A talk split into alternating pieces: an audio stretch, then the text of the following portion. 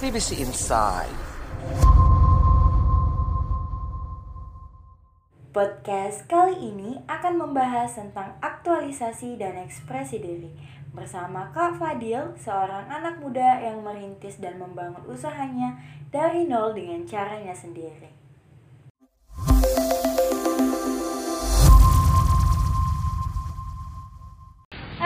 Assalamualaikum warahmatullahi wabarakatuh. Halo sahabat CBC, senang sekali bertemu dengan saya Iza. Nah, di podcast kali ini saya nggak sendirian dong. Saya lagi ditemenin sama sosok inspiratif khususnya buat anak muda zaman sekarang. Di sini ada Kak Fadil. Halo Kak Fadil, Assalamualaikum. Halo, Waalaikumsalam. Apa kabar nih Kak? Alhamdulillah lagi ribet, pusing, santai-santai lah. Santai-santai lah Nah, buat sahabat CBC yang belum kenal atau belum tahu Kak Fadil ini siapa, biar saya kasih tahu deh. Kak Fadil ini merupakan mahasiswa dari Departemen Ilmu Komunikasi FISIP Unhas dan pasti bukan cuma itu aja dong. Kita langsung tanya aja deh ke orangnya. Kak Fadil ini lagi sibuk apa sih?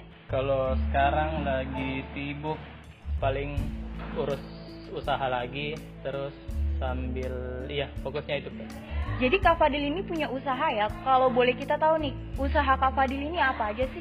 Usahanya dari dulu itu satu Ji.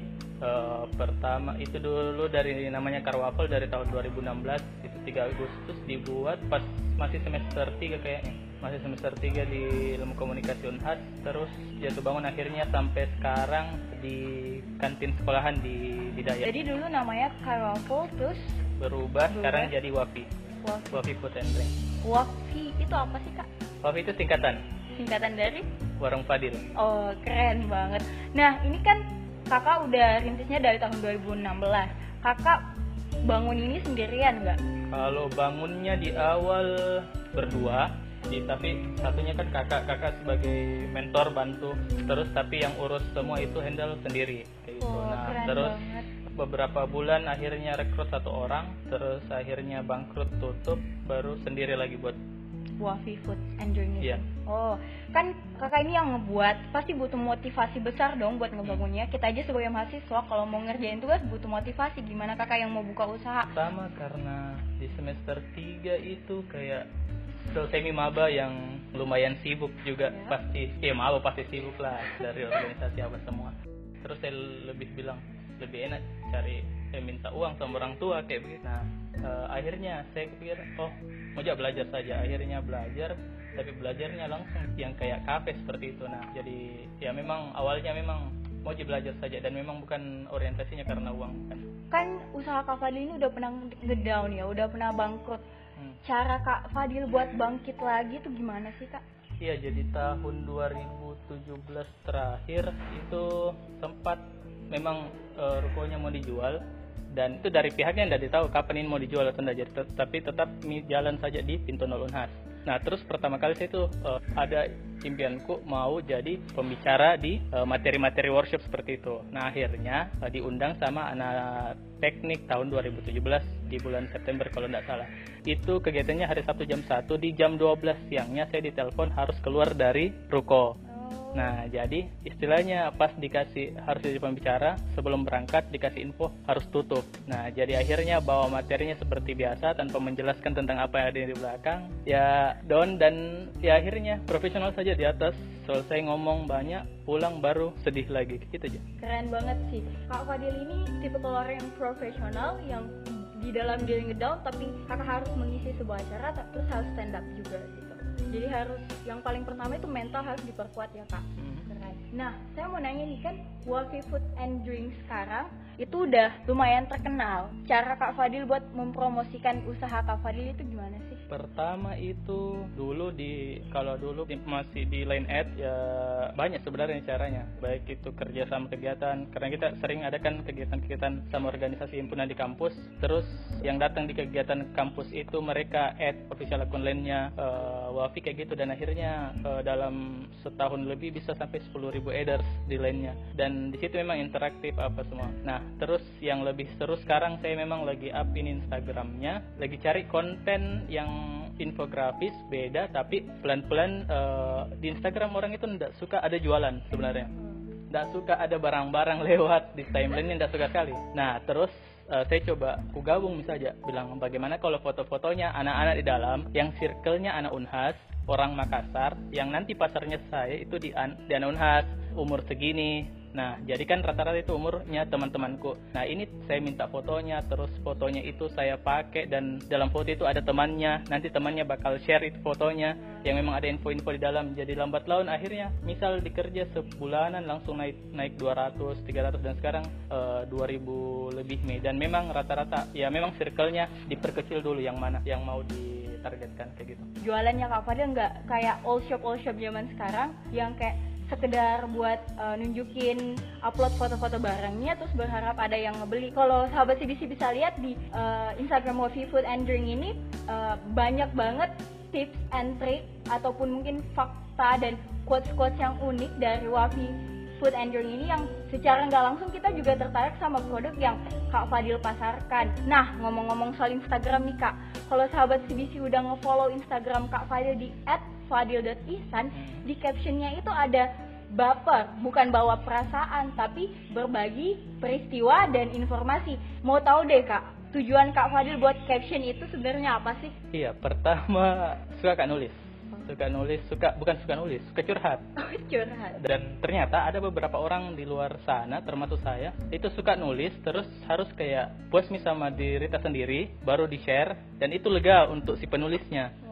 Nah rata-rata seperti itu. Dan akhirnya buat dulu itu waktu itu lagi pertama itu nulis panjang waktu itu lagi umroh. Terus kayak baru baru saya dapat beberapa pengetahuan yang baru kayak gitu gitu dan panjang ngetiknya. Nah akhirnya bilang ih apa supaya asik ji untuk saya. Dan saya tidak peduli sama orang lain waktu itu.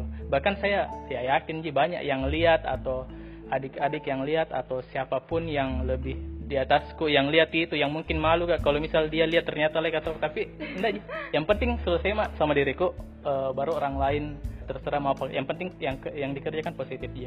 Nah akhirnya diubah mi baper baper. Nah di angkatanku itu sering dibilang angkatan baper. Oh. terus iya sensitif sekali ya kayak baper-baper yang apa di kayak baik itu yang sedih-sedih atau yang love-love yang kayak begitu-begitu. Nah saya pikirnya berada dan ngejokes, bawa perubahan. Baru saya pikir oh kayaknya berbagi peristiwa dan informasi kan sama di konteksnya. Nah karena pada dasarnya memang suka menghayal, gelisah, ya kayak begitu itu menjadi juga dan curhat-curhat kayak gitu. Nah ini cara Kak Fadil untuk mengekspresikan diri ini cukup bagus ya Kak menggunakan sosial media dengan bermodalkan rasa gelisah dan rasa percaya diri Kakak membuat baper di caption Instagram itu.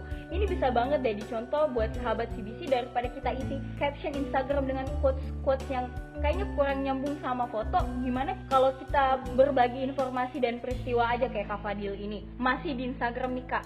Kayaknya saya stalker banget ya kalau dilihat dari caption Kak Fadil ini pasti Kak Fadil gunain hashtag gaul tapi syari itu maksudnya gimana sih pertanyaan yang menjebak di hmm.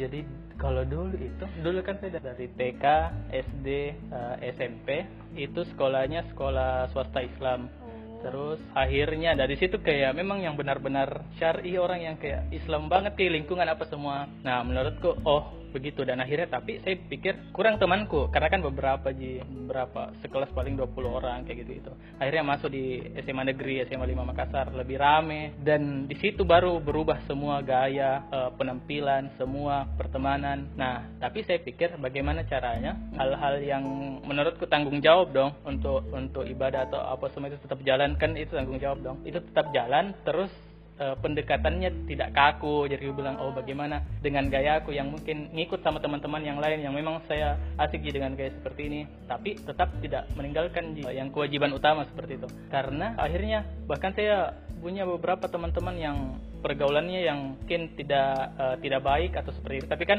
mereka itu orang-orang yang solid ki. Kalau orang-orang seperti itu yang bergaulnya bagaimana tapi solid ki untuk hal beberapa kalau misal kita sudah jadi temannya. Dan bahkan sering jing ikut kalau misal mau ke mana? Mau sholat. Oh uh, ikut nah ikut mih meskipun dengan celana-celana robeknya. Tapi maksud kok bukan itu tujuannya kayak gitu. Itu sih ya menurut kok pendekatannya dengan tidak kaku dan itu dimulai dari apa yang saya suka aja kayak gitu aja keren banget kak Fadil. Ini tetap menjunjung tinggi agama tapi tetap mau kelihatan syari jadi gunain hashtag gaul tapi syari. Keren. Nah saya mau ngomong balik lagi ke dunia pendidikan Kak Fadil. Sekarang ini di kampus Kak Fadil sibuk apa sih karena ini masih libur jadi sibuk di perpus. Tapi mungkin kalau nanti perkuliahan banyak yang sibuk di Mace saya sibuk di Mace juga. Ya kayak gitu-gitu jadi maksud tuh uh, tetap ji karena memang sekarang kan kuliah tidak ada sudah aman. Jadi memang dari awal kuliah diamankan. Uh, oke okay, tinggal hasil terus didondor juga sama orang tua. Ya pikir tanggung jawab dong untuk selesai. Nah akhirnya kasih balance saja. Jadi paling kerja kerja proposal kayak gitu gitu uh, tadi kak Fadil nyebut kata balance nih for your information aja nih gengs Kak Fadil ini di kampus juga aktif di organisasi dan pernah menjabat sebagai sekretaris umum di Kurs Mahasiswa Ilmu Komunikasi. Pasti banyak sahabat CBC yang mau tahu deh time managementnya Kak Fadil ini gimana sih? Kak Fadil memanage waktunya dengan kesibukan yang sangat banyak itu gimana sih? Kalau temanku dengar biasa pusing ke sebenarnya. Karena kalau mau dilihat time schedule dulu kalau kuliah itu uh, sholat subuh, sering sholat subuh ke pasar dulu, ke, ke pasar, pasar situ, ke pasar stok bahan baku. Kak Fadil sendiri yang iya karena oh. uh, karena kan dua pegawai khusus dalam dalam kantin urusnya nah jadi ke pasar itu sampai jam 7 jam 7 sampai jam 8 itu ke kantin awasi saja terus kasih kayak gitu aja awasi dan bantu-bantu karena kalau jam istirahat juga tidak bisa dihandle lagi menggoreng atau apa jadi depan melayani kayak gitu. Nah akhirnya jam sem jam 9 atau jam 10 sampai siang kuliah, sorenya di Mace atau himp ngurus himpunan, malamnya ke pasar lagi dan jam 9.10 rekap pemasukan semua kayak gitu. Nah istirahat, bangun subuh lagi ke pasar lagi, ke kantin lagi kayak gitu tiap hari. Lagi. Kita yang denger aja pusing apalagi Kak Fadil yang ngejalanin. Tapi time managementnya Kak Fadil ini udah rapi banget ya sampai di schedule tiap hari dari dari mulai sholat subuh sampai istirahat mungkin sahabat CBC bisa deh niru time managementnya Kak Fadil supaya kalian nggak nggak usah pusing tentang urusan di luar urusan di kampus kewajiban dan segala macam nah Kak Fadil seperti yang saya bilang tadi Kak Fadil ini sosok inspiratif buat anak muda zaman sekarang mungkin Kak Fadil punya pesan buat anak-anak muda yang di luar sana yang mungkin mau seperti Kak Fadil juga atau mungkin uh, udah di posisi Kak Fadil tapi time managementnya masih kurang bagus? Ya, uh, yang mau saya bilang untuk teman-teman semua termasuk saya juga yang lagi belajar uh, berawal dari kegelisahan sebenarnya. Karena memang di SMA sebenarnya sama sekali tidak terlihat di SMA tidak terkenal tidak bermanfaat tidak organisasi. Pas masuk di komunikasi di kosmik baru mau belajar itu itu nah akhirnya belajar uh, ambil belajar di organisasi terus tapi tetap balance sama kuliah. Uh, pelan-pelan juga akhirnya lebih kenal dulu sama uh, usaha dan langsung masuk uh, ada beasiswa juga bersamaan. Jadi uh, yang kayak begitu. Nah akhirnya yang saya pikir ternyata di kuliah di umur-umur uh, di perkuliahan menurutku itu ajangnya belajar habis-habisan coba-coba saja semua. Karena ternyata kayak organisasi-organisasi apalagi kayak kosmik e, sebenarnya kayak mempersiapkan orang e, untuk di dunia kerja itu bagaimana jadi hal-hal seperti itu sebenarnya e, harus dicoba. Mulai dari apa yang disuka mulai dari apa yang digelisahkan. Terus ya mumpung masih muda ekspresikan dirinya dengan positif saja sih. Dan uh, buat bangga teman-temannya dan orang tuanya saja itu aja. Nah itu tadi pesan dari Kak Fadil. Yang pertama kita harus belajar habis-habisan lebih ekspresif, jangan takut untuk mencoba dan yang paling penting membanggakan orang tua, diri sendiri dan orang sekitar kita. Terima kasih banyak buat Kak Fadil dan semoga podcast kali ini bisa bermanfaat dan menghibur sahabat CBC. Sampai ketemu di podcast selanjutnya. Wassalamualaikum warahmatullahi wabarakatuh.